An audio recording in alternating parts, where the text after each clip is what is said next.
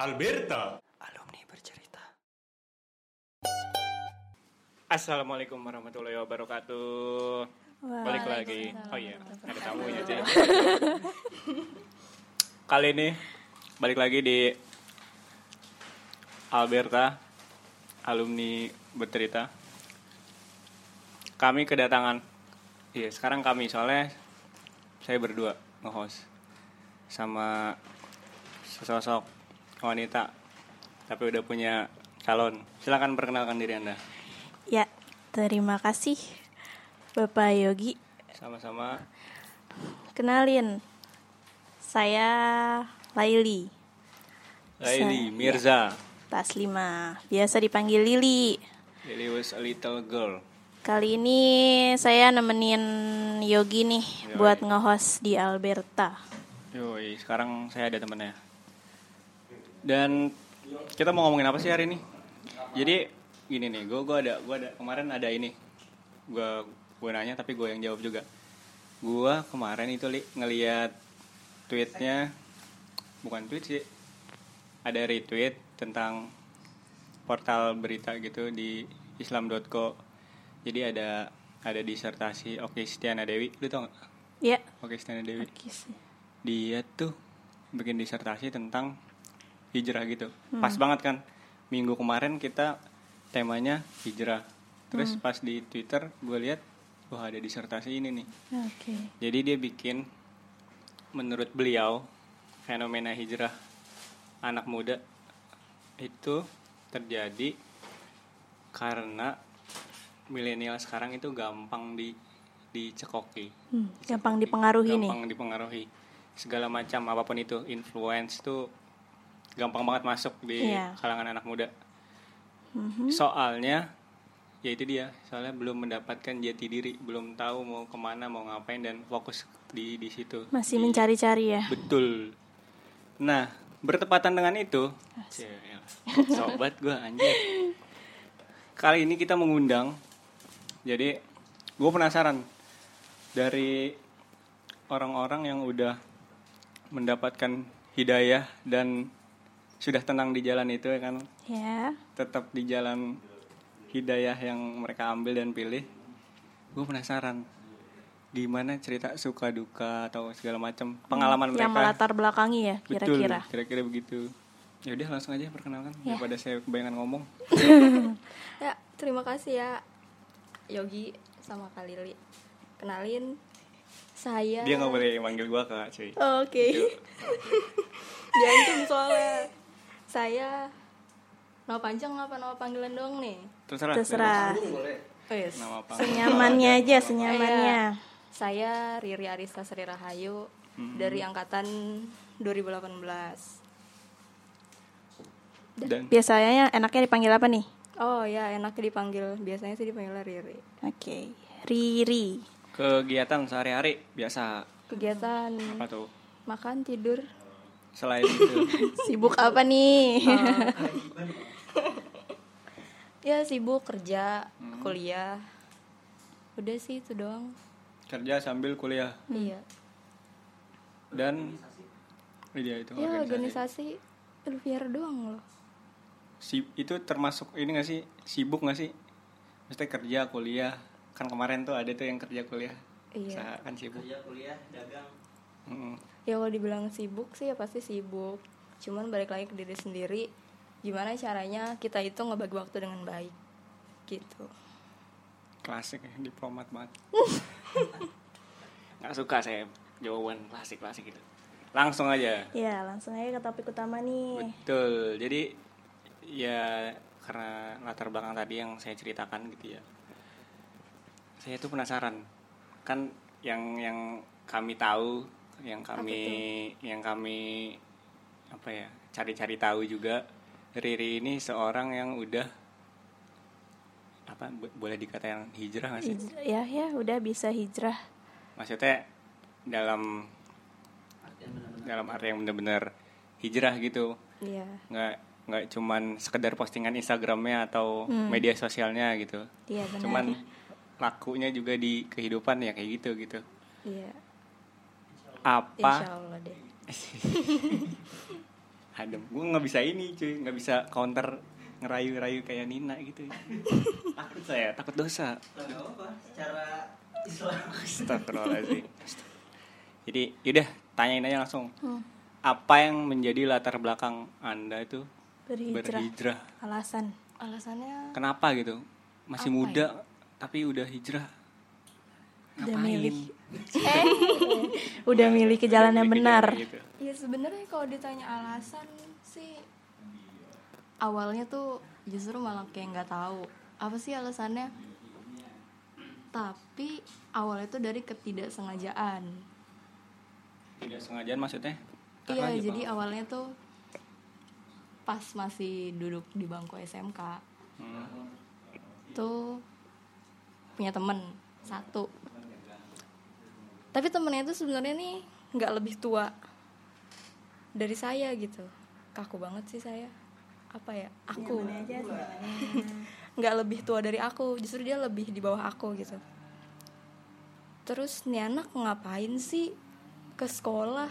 Kerudungnya panjang-panjang. Awalnya mikir kayak gitu. Hmm, hmm. Awal- nah terus kayak penasaran nih anak siapa sih? gitu ribet banget gitu ke sekolah. Kerudungnya panjang-panjang. Iya apa nggak panas? Ya udah tuh ya saya mau empat dulu panas. Terus ya udah deket. Nah ini langsung singkatnya aja ya. Cewek cowok nih? Gua Cewek lah. banyak. oh cewek. Oh iya benar oh iya saya lupa. Fokus pak. Oh iya benar Nah, singkatnya tuh langsung kayak kita udah lama kenal. Dia tuh ngasih kerudung. Ngasih kerudung. jadi cuman perkara kerudung nih lu langsung Belum selesai Bapak Yogi. Oh, iya. Biarkan selesai dulu Jadi ceritanya. awalnya tuh gara-gara kerudung biar sih bener. tegang kayak tegang banget ini ada Bener. popcorn makannya Awalnya gara-gara kerudung. Dan pas nyampe rumah pas dibuka tuh nggak tahu kalau itu tuh kerudung panjang. Yang diri sendiri aja tuh bingung nih makainya gimana. Dipakai, kak, pakai ya kalau udah siap. Hmm. Dia bilang gitu kan kayak, duh kerudung apaan sih gitu mikirnya. Pas dibuka, ay panjang banget boy. Sampai bingung gitu makanya gimana. Akhirnya dicoba. Dan itu butuh waktu berapa hari dulu gitu buat berani pakai itu ke sekolah. Udah gitu lulus pas justru di akhir-akhir waktu kerja di rumah sakit. Nah, di situlah bener-bener kenal yang namanya hijrah tuh apa sih? Bener-bener kayak oh ya, gue tuh harus hijrah, harus bener-bener real karena Allah bukan yang lain. Gitu. bukan karena dia juga gitu ya Enggak. hmm, berarti lu hijrah tuh awal-awal ini gitu awal-awal maksudnya masih baru-baru Em, di akhir tahun 2018 itu mungkin hijrah yang secara aku tuh cari tahu ilmunya Hmm. nggak cuma dari penampilan doang kalau SMK kan paling cuma penampilannya doang ya masih kayak belum keisi apa-apa masih kayak ibarat tuh botol kosong yang nggak ada isinya Iya, iya. gitu ya Tapi intinya awal eh sorry, dipotong. Awal pas eh, dapet nih terus buka kerudung panjang kan perasaannya pasti bingung kan. Iya. Terus kayak ngerasa ngapain sih nih anak ngasih-ngasih kerudung atau gimana? Selain cuma bingung mau dipakai kapan enggak dan segala sih macam. enggak mikir ke situ karena sebelum itu kita kayak udah deket gitu. Oke. kita lama-lama deket gara-gara penasaran nih awalnya ini siapa sih ini orang? Udah mana nggak pernah senyum gitu kan. Sebel gitu awalnya. Eh Oke. terus ternyata dia denger aku ngomong gitu ke temennya. Temennya nyampein lah ke dia. Nah dianya tuh jadi pengen tahu aku karena aku pun nggak terlalu baik sikapnya ke dia. Jadi kita tuh kayak saling nyari tahu. Oke, gitu. oke. ini cewek amin cewek. Lu hetero gak sih Enggak dong. enggak dong pak tolong Ini adik kelas nih Iya, ceritanya. di kelas. Oke. sampai sekarang masih dekat alhamdulillah Soalnya gue biasa nyari tahu ya cerita cewek cuy lawan jenis Ya karena dulu di SMK lumayan jutek sih Kalau sama yang kayak gitu-gituan Hmm. Justru awalnya jutek banget sama hal kayak tapi gitu keluarga lu kayak gini gitu maksudnya enggak Nah.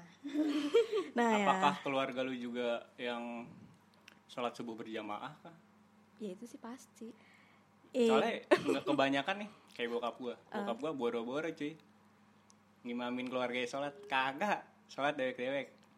Berarti itu kan privilege keluarga lu supaya lu bisa saya ada ada ada faktor internal dari keluarga lu yang mempengaruhi lu supaya siapa? Hijrah. ag- agar hijrah gitu ya. Nah, gini pertanyaannya paling gini deh. eh apa namanya? Hijrah ini didukung nggak sama keluarga? Mestilah Singkatnya. berjamaah. Ya, coba tanyain. Kita jawab, kita dengar jawabannya. ya kalau dibilang sholat subuh berjamaah Sebentar, sebentar, sebentar, sebentar. Ada ada panggilan dari Tuhan. Azan, Oh, azan. Kita break sejenak.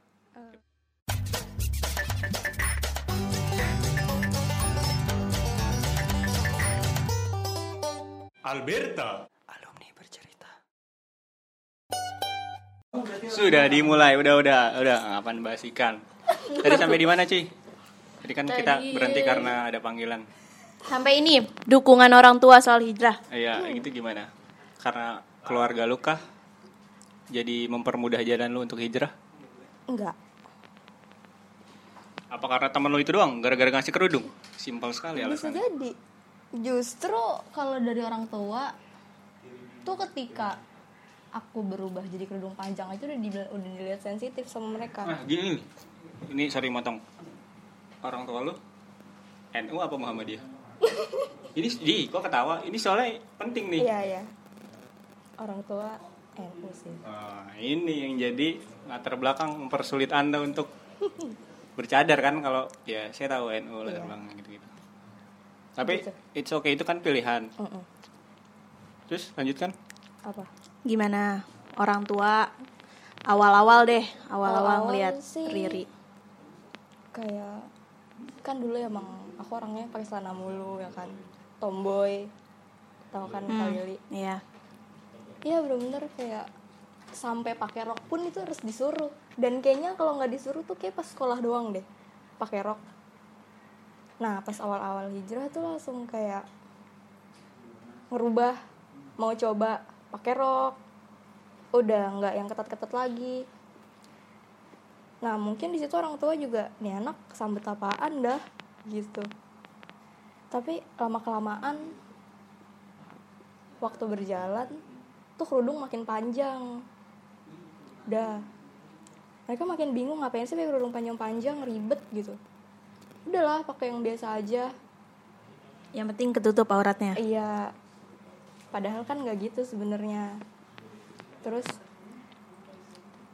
lama-lama lama resign dari rumah sakit niat mau kuliah terus masuklah diterima nih di salah satu sekolah Islam di daerah Jombang. deket-deket Jombang lah ya. Nggak jauh-jauh dari SMK 4 nah di situ yang bener-bener kayak dihardik banget. Nggak dihardik sih kalau dihardik kejam banget nggak sih? Pandangannya dirubah. Iya. Soal Islam Mm-mm. yang as usual seperti biasa. Iya. ketika di tempat kerja diwajibkan menutup segalanya. Tuh kayak seminggu dua minggu tuh masih ngumpet-ngumpet. Eh pas udah dua minggu kayaknya aduh nggak tahan nih ngumpet-ngumpet mulu gitu. Karena cepet atau lambat bakal ketahuan juga. Akhirnya berani lah buat ngomong mah pak dari kerja harus pakai cadar gitu. Nah di situ kayak enggak gitu. Malah justru nggak boleh. Jadi itu perdebatan panjang banget. Bahkan sampai sekarang mereka tuh kayak selalu ngerasa sedih gitu loh kalau ngeliat aku pakai cadar berangkat kerja. Bahkan sampai pakai masker pun walaupun kondisinya lagi kayak sekarang nih ngapain sih pakai masker kalau ada tamu di rumah kayak pakai cadar langsung kayak aduh kayak langsung hati tuh kayak remuk gitu Karena karena nggak sesuai sama Iya. apa yang lu pegang. iya Orang tua, orang apa orang terdekat Uh-uh. sendiri nggak mendukung. Iya, karena aku tuh termasuk orang yang kalau udah berprinsip tuh ya udah kuat, nggak ada yang bisa ngerubah sekalipun itu orang tua. Tapi Apalagi masalah agama. ya tapi ini menarik sih kalau kata gua. Jadi ternyata bukan cuma orang-orang brengsek dong yang Hmm. bertentangan sama keluarganya.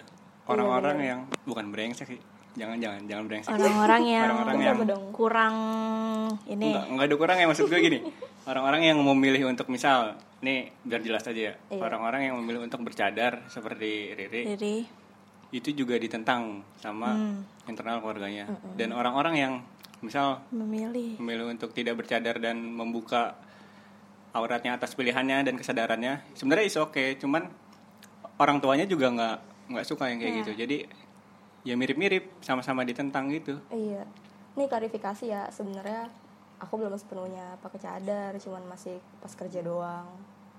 Jadi nanti orangnya ngira, ah ini pasti orang udah bercadar banget nih yang denger. Sebenarnya mau, cuman mungkin belum di tahap itu. Gitu. Klarifikasi sih.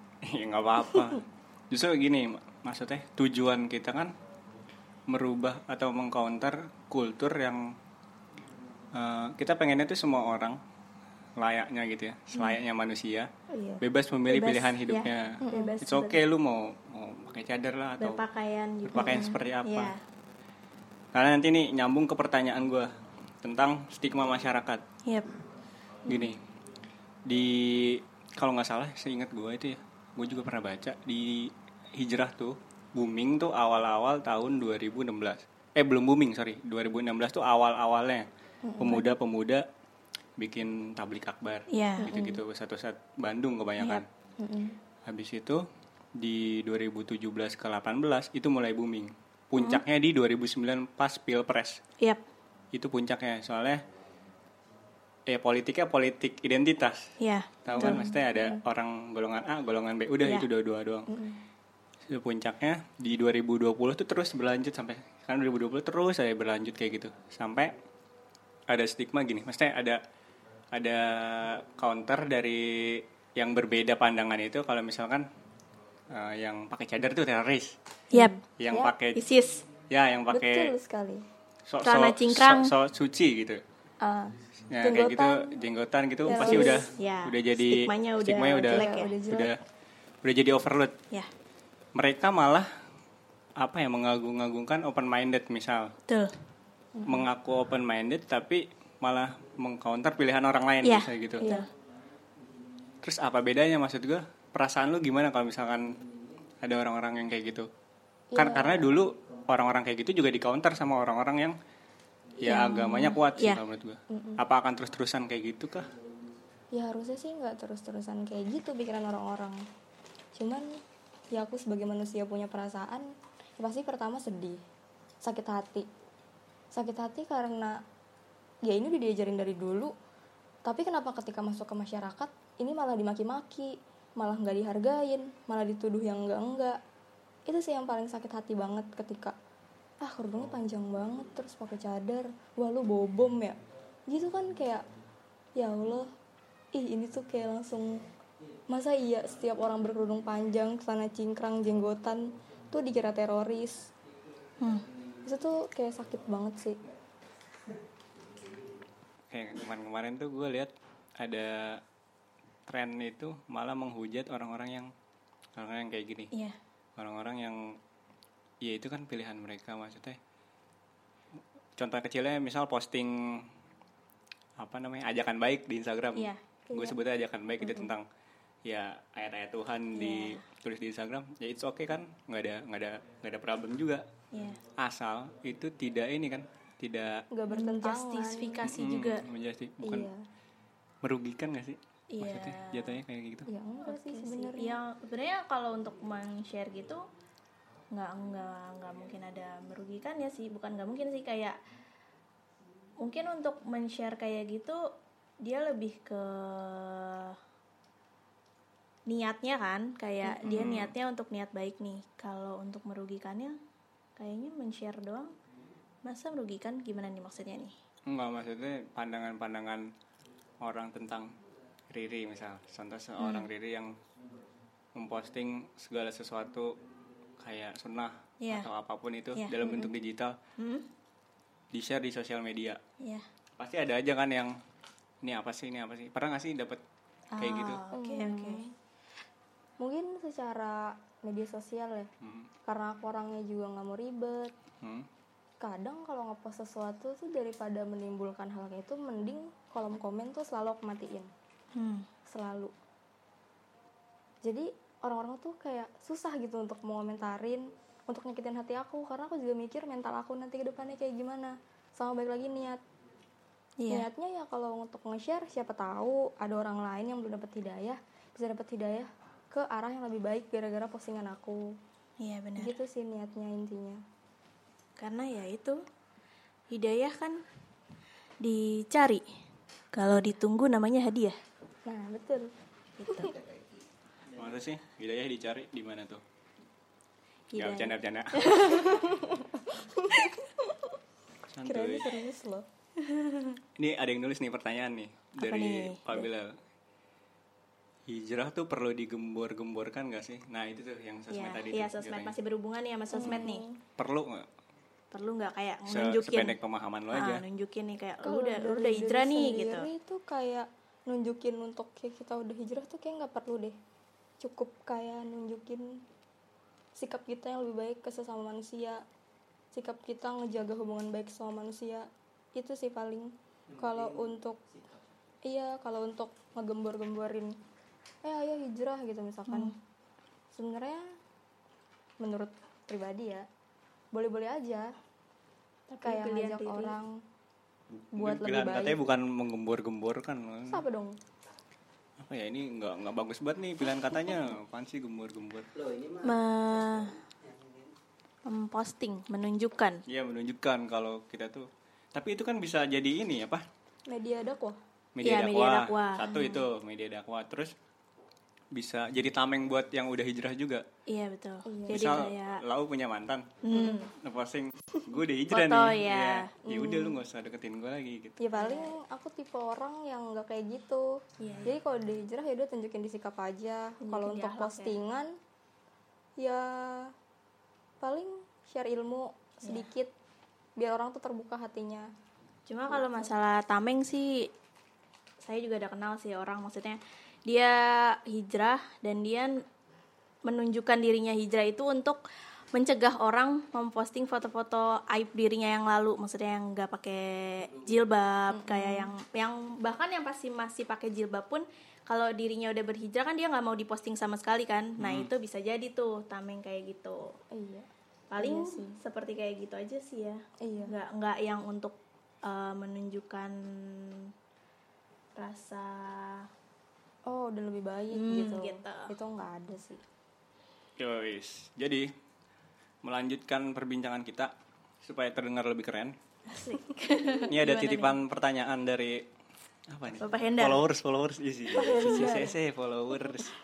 Ada titipan pertanyaan banyak nih. Ada 1 2 300 pertanyaan tapi kita pilih 10 aja lah. 5 deh 5. Oke. Kita kita sempitkan jadi 5. Pertanyaan pertama. Ini udah udah dijawab alasan hijrah atau segala macam. Udah belum sih tadi? udah Udah ya. sesederhana itu iya karena teman lu doang kan. Ini kenyamanan. Maksudnya apa nih kenyamanan? nyaman udah milih di jalan ini udah milih ke hijrah terus mendapatkan kenyamanan nggak merasa nyaman nggak setelah hijrah atau malah kayaknya Lebih enakan sebelum. nah ya lebih nyaman karena setelah hijrah tuh kayak semuanya yang sebelumnya belum diketahui tuh jadi tahu oh ternyata sesimpel ini loh hmm. oh ternyata segampang ini gak ribet Hmm. justru sebelum sebelumnya tuh kayak iya apaan sih ribet banget gitu ada apa-apa ada perintilannya lagi Iya. kayak gitu sebenarnya lebih nyaman nyaman banget Apaan sih Pak Hendra? Sorry, sorry, Ri. Lu sih the back sound mulu Jadi lebih nyaman ketika lu sudah berhijrah gitu ya. iya Tapi Hijrah? pernah nggak me- masih nyambung nih kayak menyesali apa yang sudah terjadi di masa lalu? Kayak nyesel nyesel gitu loh kenapa sih kenapa sih gue dulu kayak gini gitu? Terus ya semacam itulah. Ya paling ada pikiran kasarnya gini kenapa gue baru tahu sekarang? Oke. Lanjut pak apa lagi pertanyaannya bacain Ini apa nih tentang tentang hijrah tapi posting foto di sosmed. udah tadi. Udah ya? gimana tuh belum belum tuh kita kan pertanyaannya cuma posting kayak Post, Oh. posting soal dakwah Ya, doang Foto-foto pribadi maksudnya. Ya, kan ini nih kalau orang yang sudah belajar soal agama katanya, katanya, dia kan ada sebuah ajaran yang nggak boleh bertabayun nggak boleh bertabaruj ya bertabaruj. Bertabayun mah bertemu ya. Sorry sorry sorry. Tabayun, kayak gue pernah tabayun mah bertemu. Bukan. menemukan. Tabayun tuh rumah Uya cuy. Oh iya benar bertabaruj. Kayak dia memposting dirinya sendiri foto selfie foto OTD dan semacamnya. walaupun memakai jilbab menutup aurat dan sebagainya bagaimana nih tanggapannya? Tanggapan buat diri sendiri apa orang lain nih? Tanggapan diri sendiri aja kalau kalau buat diri sendiri sih ya itu udah ngehindarin sebisa mungkin. Kayaknya di sosmed juga udah abis foto sendiri. Udah nggak ada. hukumnya tuh ya sebenarnya hmm, balik lagi ke hukum asal wanita. Wanita itu dasarnya tertutup. Jadi ketika kita ngumbar terus ada akibat yang dialamin sama wanita itu. Akibatnya buruk. Justru sebetulnya itu salah wanita itu sendiri. Ain. Ya bisa dibilang Penyakit seperti ain. itu. Penyakit yang dikarenakan eh, foto-foto yang tersebar. Iya bisa. Ain itu sebenarnya lebih kayak gimana tuh? lebih kayak sebenarnya aku pernah denger gini sih. Ini nggak tahu ya bener atau enggak kalau salah tolong dilurusin. Ya sebenarnya kalau misalkan ada hal yang bisa mendahului takdir ain itu yang bisa ngedahulin takdir. Gitu. Jadi kalau buat posting foto sih kalau buat diri sendiri sih alhamdulillah udah enggak. Udah bener-bener ngurangin banget meminimalisir. Kalau bisa sih enggak walaupun menyarankan buat orang yang mau hijrah? Hmm. Menyarankan sih sih? tahu tahun. Menyarankan banget sih apalagi kan ya kalau baru-baru oke wajar ya masih susah. Intinya pelan-pelan. Semua orang itu bisa sampai pada puncaknya itu pasti butuh proses. Nah proses itu harus kita hargain. Ketika orang udah bisa sampai sama puncaknya nggak posting foto ya berarti dia udah hebat. Hmm. berarti dia bisa nawan, nahan hawa nafsunya buat nggak ngepost foto. Oke. soalnya balik lagi kita perempuan. Pasti perempuan itu punya daya tarik masing-masing kan. Entah itu dari mata hidung mulut atau badannya. Dan laki-laki pun punya pemikiran. Yang mungkin pemikiran itu kita nggak tahu loh. Pemikirannya gimana sih? Kan ada laki-laki yang emang pikirannya wah ini orang tertutup nih pasti dalamnya gini gini gini gini gini. Ah, oke. Nah kayak gitu. Sebenarnya itu sih yang bahaya. laki-laki. Gitu. Tapi meskipun yang memposting foto itu dia eh, postingnya pakai masker pakai cadar gitu tetap untuk diri pribadi sama sekali enggak enggak oke. Lanjut pak. Pertanyaan terakhir. Gimana nih? Cepet amat. Udah terakhir nih. Kesulitan. Ini ada pertanyaan tambahan sih dari gimana gimana gimana? Tips. Ini kan perempuan lu berdua perempuan. Iya. Oke. Ada nggak sih tips and trick Untuk berhijrah Khususnya untuk kaum Adam. Hmm, kom adam? Kaum cowok. Nih maksud? Tips and and Supaya buat kayak gini. cowoknya juga hijrah gitu. Gue nih gue personal ya. Gue Iya. percaya hijrah atau hidayah itu kan apa hidayah itu kan apa dasarnya buat hijrah lu supaya lu bisa hijrah. hidayah itu sama kayak cinta kalau kata gue lu nggak bisa tahu kapan itu datang. Iya. lu nggak bisa apa ya namanya memastikan memastikan sama siapa lu bakal dapat hidayah Iya. ya kan? Sama kayak cinta. Jadi itu tuh sakral langsung dari yang maha kuasa sang pemberi hidayah langsung. Nah apakah bisa hidayah itu? Lagi kalau kalau cinta kan gua gue gue hetero nih gue hetero. Gue PDKT iya. misal tumbuh benih-benih cinta nah itu kan bisa aja tuh kayak gitu. Nah cara gue PDKT biar gue bisa dapet hidayah gimana tuh cara gue pendekatan supaya gue hidayah itu lebih gampang dapet ke gue kayak misal. Atau gue harus ngapain lah atau gimana. Soalnya ya susah cuy. Bener-bener susah kayak nyari cewek susah. Ya itu sih paling paling kalau yang dari ini ya prinsip gua tuh eh hidayah tuh juga ya walaupun dia bakal oh sorry gue potong dulu nih ya. Iya, nggak apa-apa. salah. jadi kayak maksudnya walaupun hidayah emang nggak tahu kapan datangnya cuma kan kita nggak bisa cuma nunggu dengan santai-santai gitu aja. Sama kayak tadi ibarat kalau mengibaratkan cinta kan kita nggak bisa cuma nunggu di rumah cinta bakal datang dengan sendirinya kan nggak bisa juga kan. Jadi mesti kita berusaha untuk mencari eh, masalah itu bakal datang dan dapat ke kita kan itu masalah nanti kan. Jadi eh, kita ya paling berusaha kayak untuk mencari mu- mungkin kayak ngikut-ngikut eh, apa pengajian majelis taklim segala macam.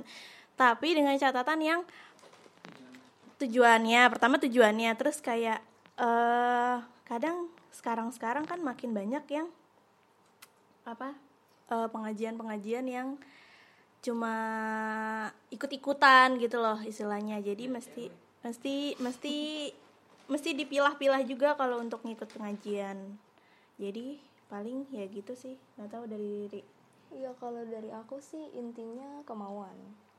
Orang mau seniat apa pun kalau nggak ada kemauan nggak bakalan jadi. Jadi kita terus punya kemauan, kemauan untuk mencari, kemauan untuk berusaha menambah sesuatu yang tadinya kosong jadi ada, abis itu penuh. Kayak gitu.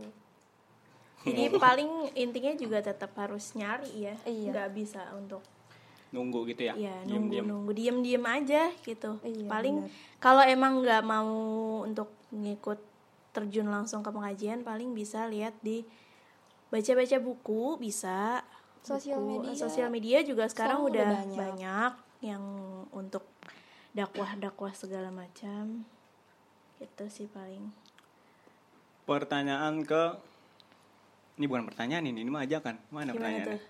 hijrah kuy apaan sih hijrah kuy itu tadi kesulitan udah ya? Iya kesulitan belum kesulitan.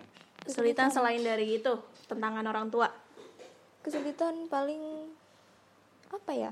Kalau kesulitan masalah temen tuh kayak udah ya biasa aja karena kesusahan yang paling besar tuh udah ada dari keluarga. Paling kalau temen tuh kayak ih apaan sih lu? Sekarang jarang main lu sekarang jarang ngumpul. Kan dulu aku anak musik banget kan. Kayak ah sekarang susah banget. oh banget. iya tuh diajak kumpul main musik lain-lain gitu. Oh iya tuh gimana tuh? nih lanjut lagi nih jadinya. Musik nih masalah musik. Dulu kan Riri tuh nyanyi kita tahu. Di sekolah nyanyi. Iya jago gitar segala macam nyanyi. Terus sekarang gimana? Ditinggalin semua kah? Atau gimana nih? Iya itu ditinggalin sih. Itu susah banget tinggalinnya itu yang paling susah. Karena itu udah habit. Hmm. susah banget ninggalinnya. Dan awal hijrah pun dikasih tahu tentang musik. Ternyata musik tuh gini gini gini gini gini. Langsung dong waduh berarti selama ini gue salah dong gitu. Terus sehari dua hari tiga hari tuh cari tahu tentang musik. Setelah itu kayak ketampar sendiri. Udah habis itu goib musik-musik dari handphone. Dan benar-benar nggak main musik sama sekali nih. main enggak dengerin? Cuman kalau denger karena suka nggak sengaja denger. Oke. Tapi untuk Barusan pribadi gua nyanyi kan sendiri nyanyi udah nggak nih? enggak Oke. udah ngurangin banget sih. Lo ada pertanyaan tambahan nggak? Nyanyi nyanyi Islam. Hah? ada pertanyaan tambahan? Enggak juga. Pertanyaan tambahan apa ya? Oke, apalagi nih? pamunang Apa nih? Dari mana tuh Gimana nih? sedikit tadi kan yang musik itu sampai itu sedikit informasi tentang musik yang bikin sampai nggak mau main musik lagi.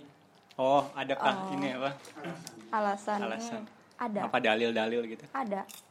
Kita ini di Indonesia itu masyarakatnya itu rata-rata berimam. Bahasa umumnya berimam ya di Indonesia kebanyakan kita itu ngikutin pendapatnya Imam Syafi'i Bermazhab. Uh-uh. Sedangkan di Islam tuh ada empat imam kan. Keempat empatnya itu kalau dicari dalilnya, hadisnya, semua itu mengharamkan Musik. haram Iya. Gitu. Jadinya tuh kayak nampar kayak dibilang haram tuh kayak berarti udah nggak boleh banget nih dilakuin gitu.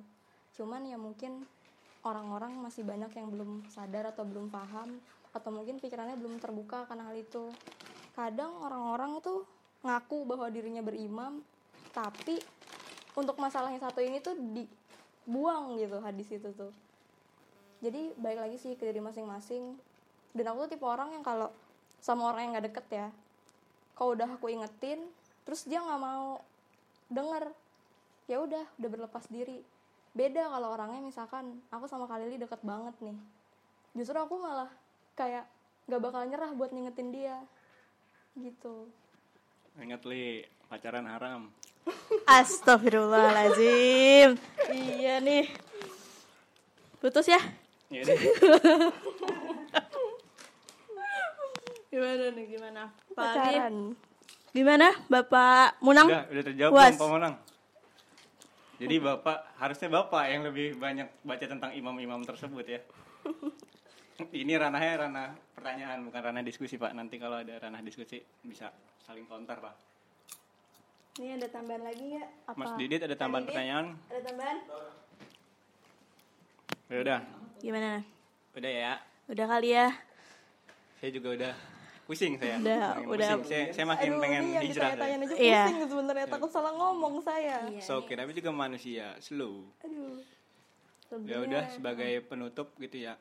Jadi kenapa kita bahas hijrah? Sih. Kita tuh pengen dari lubuk hati yang paling dalam, setulusnya.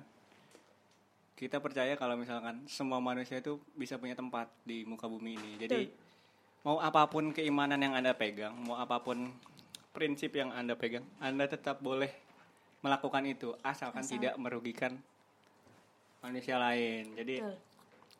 Ya kalau pendapat diri bertentangan nggak apa-apa, masa nggak masalah. Namanya juga prinsip orang beda-beda. Tapi mohon jangan dihujat. Betul. Harus Jadi menghargai pendapat masing-masing. iya itu pilihan Mm-mm, betul. mungkin juga karena kitanya yang belum banyak belajar tentang Iya. ke apa ya tingkat spiritual kita masih rendah. Jadi Iya. kurang banyak baca, kurang banyak tahu tentang ilmu lain gitu. Namanya juga berproses. Yap. Terus menyangkut soal yang tadi tuh yang masa lalu gitu-gitu.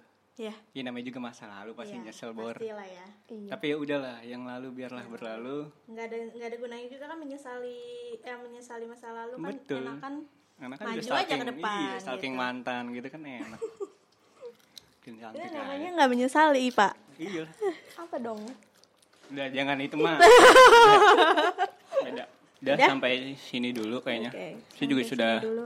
banyak paham tentang apa ya, apa itu hijrah-hijrah dan saya juga kaget mendengar kalau misalkan di keluarganya ternyata tidak mendukung. ya Jadi ada orang-orang yang eh, apa ya istilahnya baik, lu mau niat baik buat berhijrah tapi nggak didukung. didukung. lebih sulit sih pasti sama jangan sering-sering counter orang yang suka posting apa Postingan ya, tentang postingan dakwah tentang ya? dakwah atau prinsip dia yang Iya. dipegang dalam hidup lah biarkan saja. Kita kita bersama di bidang muamalah ya kan?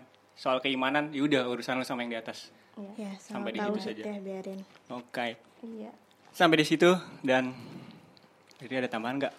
Ada sih. Pesan-pesan apa? Apa nih? Ini sebenarnya kayak motivasi sih buat diri sendiri. Biar gimana caranya kita tuh nggak banyak melihat orang lain. Lebih ke oh ya biar diri sendiri tuh bahagia. Kayak kita tuh hidup jangan pernah ngelihat hal dunia dari manusia lain gitu. Karena itu nggak bakal ada habisnya. Jadi lebih baik kita lihat gimana sih nanti jangka lebih panjang. Yaitu tuh apa? Yaitu akhirat. Jadi kita tuh jangan pernah iri kalau kehidupan dunia orang lain itu lebih baik daripada kita. Justru kita itu harus iri sama orang-orang yang persiapan akhiratnya itu lebih baik daripada diri kita. Oke. Gitu. Bagus banget nih kata-kata penutupnya bagus banget nih bapak Yogi. Lu ada tambahan nggak? Enggak sih paling udah udah cukup tercerahkan. Sudah, sudah tercerahkan dan Iya. ya semoga besok kita hijrah. Amin. Hijrah wih ke arah yang lebih baik. Dan waktunya saya mengucapkan wassalamualaikum warahmatullahi wabarakatuh. Wabarakatuh.